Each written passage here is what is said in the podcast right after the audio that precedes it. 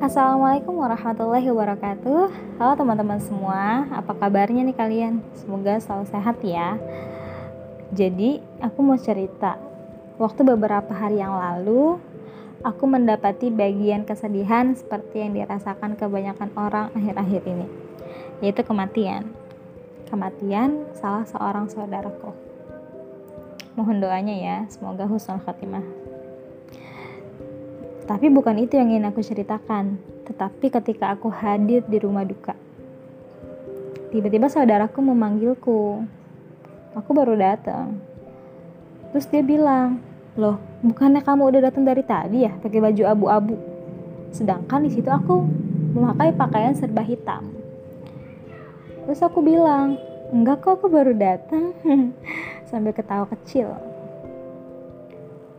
Terus saudaraku tadi bilang, Ya Allah tadi siapa ya?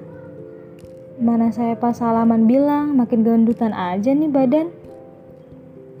Dia cerita seperti itu. Aku cuma respon ketawa kecil aja karena emang gak tahu harus jawab apa. Ditambah lagi aku bingung siapa yang pakai baju abu-abu. Setelah selesai ngomong, setelah selesai ngobrol, terus duduk, Nah, orang yang dimaksud saudaraku tadi muncul. Nah, itu dia. Tadi itu kirain kamu loh. Dan ternyata orang yang berbaju abu-abu itu juga saudaraku. Kenapa kok bisa salah panggil? Karena kamu pakai masker. Tapi mungkin perawakanku juga sama si baju abu-abu tadi emang sedikit mirip. Sama-sama berisi ya.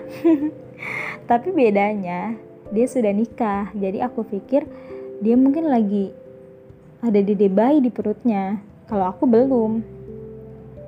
Terus aku lanjut ngobrol lagi sama saudaraku tadi. Oh itu mah namanya Teh Fulana, istrinya A Fulan, aku bilang gitu. Mungkin dia lagi isi makanya gendutan. Dan ketika itu aku ngelihat raut mukanya, raut wajahnya kayak ada penyesalan gitu. Mungkin dia menyesal dengan banyolan atau basa-basi yang sebenarnya nggak serius menurutnya. Mungkin kalau aku yang dibilang gitu aku wajarin aja sih karena memang badanku berisi.